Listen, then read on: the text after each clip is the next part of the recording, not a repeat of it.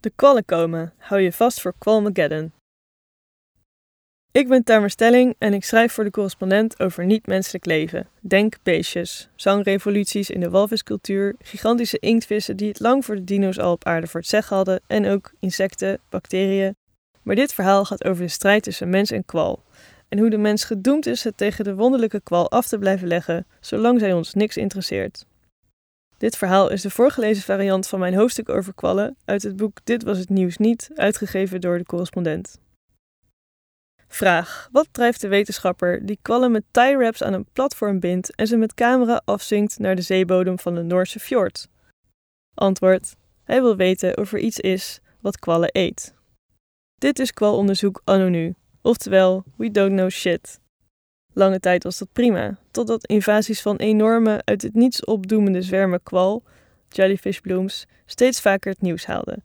Niemand weet waar ze ineens vandaan komen of hoe je van ze afkomt als ze er zijn. Maar de verrichtingen van die miljoenen dicht op elkaar zwemmende slijmzakjes zijn ronduit spectaculair.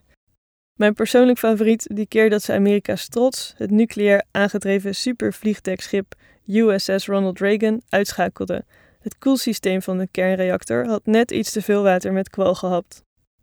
Elk apparaat dat water uit de zee zuigt, heeft in potentie een probleem met jellyfish blooms. Of het nu koelsystemen van energiecentrales en datacentra zijn of gewoon waterzuiveringsinstallaties. Kwallen legden de hele reut bij herhaling plat en hebben daarmee talloze mensen wereldwijd, van India tot Zweden, van de Filipijnen tot Israël en Californië, dagenlang zonder stroom of water laten zitten waarbij de getroffen bevolking dan soms zelfs dacht dat er een staatsgreep aan de gang was. Want wie denkt eraan kwallen? Ook de toerist wordt door kwallen gejend. Van Zeeuws Waterpark tot Costa del Sol, tegen een kwal legt zelfs Born Survivor Bear Grylls het af. Had hij maar achter een anti-kwallennet gezwommen, of een anti-kwallen zwempak aangetrokken, of zich ingesmeerd met anti-kwallen zonnebrand. Ja, dat alles bestaat. Wat een minder spectaculair verhaal is, maar de wetenschappers wel de meeste zorgen baart, is dat die gigantische hoeveelheden kwallen het leven zuigen uit elke zee die ze aandoen. Eigenaars van viskwekerijen in open water kunnen hun zaakje wel opdoeken zodra een jellybloem door hun netten tentakelt. En als zo'n net aan een vissersboot vastzit, heb je kans dat puur het gewicht van tonnen kwallen de boot doet kapseizen. Dit gebeurt in Japan, maar vooral de wilde vis ziet af door kwal. Kwallen putten uitgeputte visvoorraden verder uit door zowel vislarven te eten als het plankton waar een vislarve op groeit. Dat is vervelend voor de visstand en misschien wel nog vervelender voor de portemonnee. Zuid-Koreaanse wetenschappers raamden de verloren inkomsten voor hun land door visgerelateerde kwalstrapatsen tussen de 70 en 200 miljoen dollar per jaar. Dit deed de deur dicht voor een handjevol Zuid-Koreaanse robotici dat dacht: kwallen, misschien moeten ze gewoon kapot. En de eerste wonderlijke kwaloplossing waar we naar zullen kijken, Gerals, de kwal-terminator, was geboren. Gerals staat voor Jellyfish Elimination Robotic Swarm en is niet zozeer één Schwarzenegger als wel een volautomatische float Terminators. Boven water oogt elke Terminator als een mini-giraf op een katamaran van ongeveer anderhalve vierkante meter groot. Hoe hij werkt? Stel, de camera aan zijn lange nek spot een object. Algoritmes berekenen vervolgens of het een kwal is. Bij kwalakkoord roept Gerals de rest van de vloot erbij en berekenen andere algoritmes het optimale destructiepad. Alvarende drijft Gerals de kwallen in zijn onderwaterfuiken, die uitkomen bij snel draaiende rotormessen. Daar is het einde oefening voor 25 kwallen per minuut per bootje. Maar de ene kwal is de andere niet. Zuid-Korea leidt onder oorkwallen. Deze kwal heeft de tekening van een klavertje 4 op zijn hoed en een diameter van ongeveer 30 centimeter. Ook is er overlast van een lompe oranje kwal, die met een doorsnede van 2 meter tot 200 kilo kan wegen. Tegen die dikke kwal, die visserschepen doet zinken en visnetten breekt, begint de huidige Gerals niks. Daar zijn ze te klein voor. Zodoende herkennen de Koreaanse Gerals-algoritmes nu alleen oorkwallen als vijand, maar dat duurt niet lang meer. Tegen die dikke kwal, die visserschepen doet zinken en visnetten breekt, begint de huidige Gerals niks. Daar zijn ze te klein voor. Zodoende herkennen de Koreaanse Gerals-algoritmes nu alleen oorkwallen als vijand. Maar dat duurt niet lang meer. Veel internationale bedrijven tonen interesse in het optimaliseren van Gerals voor andere omgevingen en kwalsoorten. Mailt geestelijk vader Hyung Myung, robotingenieur aan het Koreaanse Advanced Institute of Science and Technology. Momenteel krijgt Myung veel berichten van de offshore-industrie in het Midden-Oosten. Het is lastig om voor al die verschillende kwalsoorten een eigen algoritme op te tuigen, zegt Myung. Daarom proberen we Gerals te voorzien van kunstmatige intelligentie of machine learning algoritmes. Dan kan Gerald zichzelf leren wanneer iets een kwal is. Met al die internationale interesse in Gerals kwam ook het nodige internationale commentaar. Volgens kwal-experts werken kwalshredders averechts. Zij zien twee problemen. Ten eerste, waar gaan al die versnipperde stukjes kwal heen? Ofwel ze zinken naar de zeebodem en rotten daar weg, want welk beest eet kwal? En als iets kwal eet, eet het vast niet zoveel kwal als Geros in een paar uur shred, waarbij ze het bodemleven doen stikken in slijm. Of koelsystemen verslikken zich toch weer in de kleverige massa, die nu net weer iets lastiger op te ruimen is, want kleiner. Of de stukjes tentakels met netelcellen overspoelen alsnog je antikwallennetten en stranden en je hebt de facto het kwalbereik zelfs vergroot. Ten tweede, als je kwallen opensnijdt, laten ze al hun ei- en spermacellen in één keer los. Ze bevruchten elkaar en volgend seizoen is je jellyfishbloemprobleem exponentieel gegroeid. We zijn teruggekomen van de shredder, zegt Myung. Een nieuwe Geros-versie schept kwallen uit het water in een opslagcontainer die 420 stuks aan kan. Wat gaan we doen met alle afgevangen kwal? Kwallen zijn lang niet allemaal eetbaar, Myung, dat vragen wij ons ook af. Laatst zag ik een paper waarin werd voorgesteld om kwallen te gebruiken als meststof voor de rijstbouw. Kwal zou zowel de oogst van de rijst vergroten als chemische bestrijdingsmiddelen tegen onkruid overbodig maken. Het ongelooflijke verhaal van Gerals, de autonome zwerm kwallenvangers die kwalkunstmest maakt voor Koreaanse rijstteelt.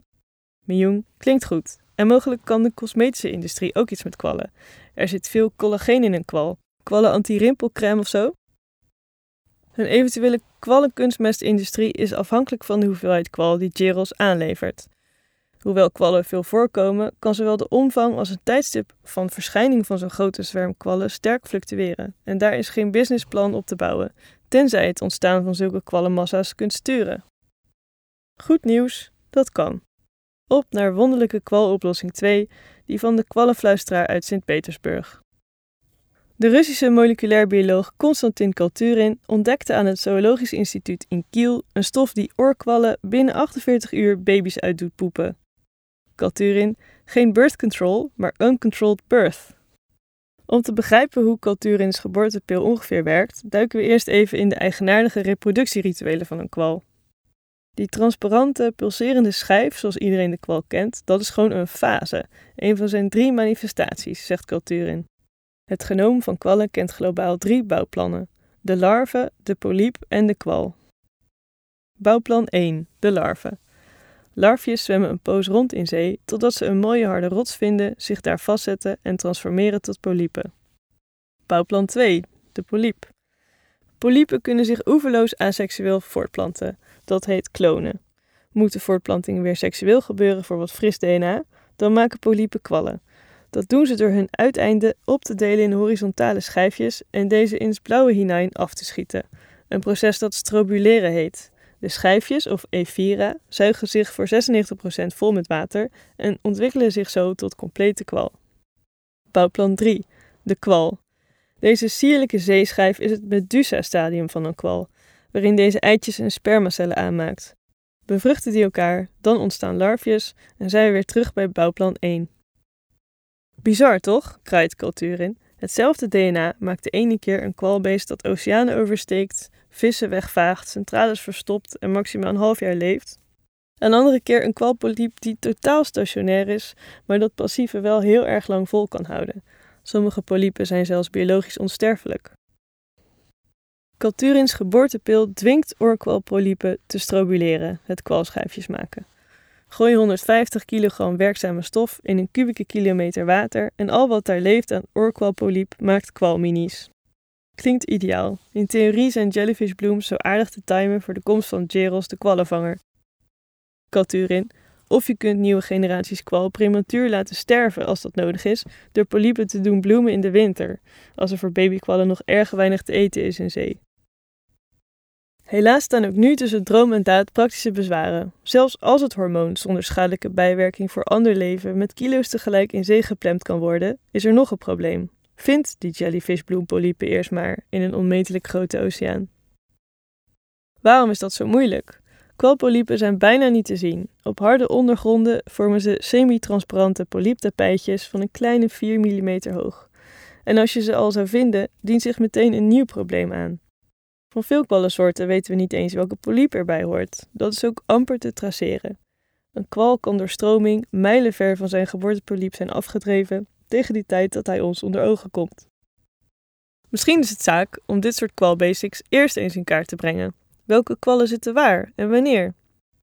Dit is precies wat de Italiaanse kwalloloog Ferdinando Buero al jaren interesseert. Kwallen bevechten, vergeet het, zegt Buero. Elke tactiek die je bij andere plagen in zou zetten, vangt pot bij kwallen. Pesticiden doen ze niks. Veel kwallen zwemmen niet actief ergens heen, dus vluchten ze ook niet actief van iets weg. En hetzelfde geldt voor elektrocutie. Akoestische schokken dan? Nee. Kwal zonder hersenen of oren heeft geen notie van geluid. Kwallenshredders, hormoonkuren, het is slechts symptoombestrijding, meent Buero. Waarschijnlijk is het ook helemaal niet wijs om kwallen lukraak uit zee te plukken of anderszins de oorlog te verklaren. Buero, weet jij veel welke voedselschaarste je daarmee veroorzaakt voor zeebeesten elders? Diepzee-ecoloog Andrew Sweetman, de man die kwallen afzinkt naar fjordbodems, liet zien dat allerlei vissen, krabben en kreefjes inderdaad kwal eten. Van dat onderzoeksresultaat stond Sweetman overigens paf. Kwal eten, waarom zou je? Een kwal is 96% water. Zwem dan gewoon met je mond open. Blijkbaar zijn kwallen de groene thee van de zee.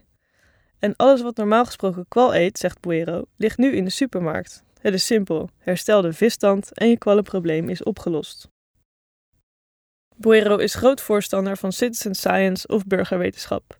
Hij wil iedereen die aan de Middellandse Zee woont enthousiasmeren voor kwallen om de zeegeletterdheid van mensen te vergroten. Daarom startte hij in 2009 het project Spot de Kwal. Daarvoor maakte hij onder andere een poster met alle kwallen die in de Middellandse Zee voorkomen, met de vraag om hem via een app zoals Jellywatch of via de mail op de hoogte te houden van welke kwallen je waar ziet. Op basis van burgerinformatie hebben we zo al globale patronen kunnen herkennen in de verschijningsfrequentie van bloemkoolkwallen en spiegeleikwallen, zegt Buero. Medio juli is de spiegeleikwal bijvoorbeeld altijd opeens alom aanwezig langs 8500 kilometer Italiaanse kust. Kun je met al die kwaldata op den duur een programma schrijven dat jellyfish blooms voorspelt, zoals meteorologen doen met het weer? Van wetenschap wordt verwacht dat het algoritmes produceert die met één druk op de knop de toekomst voorspellen, zegt Boero. Dit is een infantiele verwachting. Het is al moeilijk om het weer van overmorgen met enige nauwkeurigheid in te schatten. Het al dan niet ontstaan van jellyfishblooms hangt met nog veel meer factoren samen dan het weer. Veel verder dan soft predictions zullen we niet komen. Al wordt dat door anderen weersproken, omdat veel kwallensoorten niet actief hun zwemrichting bepalen, bepalen zeestromingen die. En zeestromingen zijn prima te modelleren. Toegegeven, dan weet je nog altijd niet waarom welke polypen, waar dan ook, beginnen met kwallen maken. Het begin blijft zoek. Buero. Maar we ontdekken nog altijd nieuwe soorten door mensen die ons foto's sturen van kwallen die niet op de poster voorkomen. En mensen zijn elke keer weer verbaasd als je zegt dat er waarschijnlijk tegen de 8 miljoen diersoorten op aarde rondhangen, waarvan we er nog geen 2 miljoen kennen. Met alle belang die overheden of instanties zoals de Verenigde Naties hechten aan biodiversiteit, is die soortenkennislacune eigenlijk wel typisch.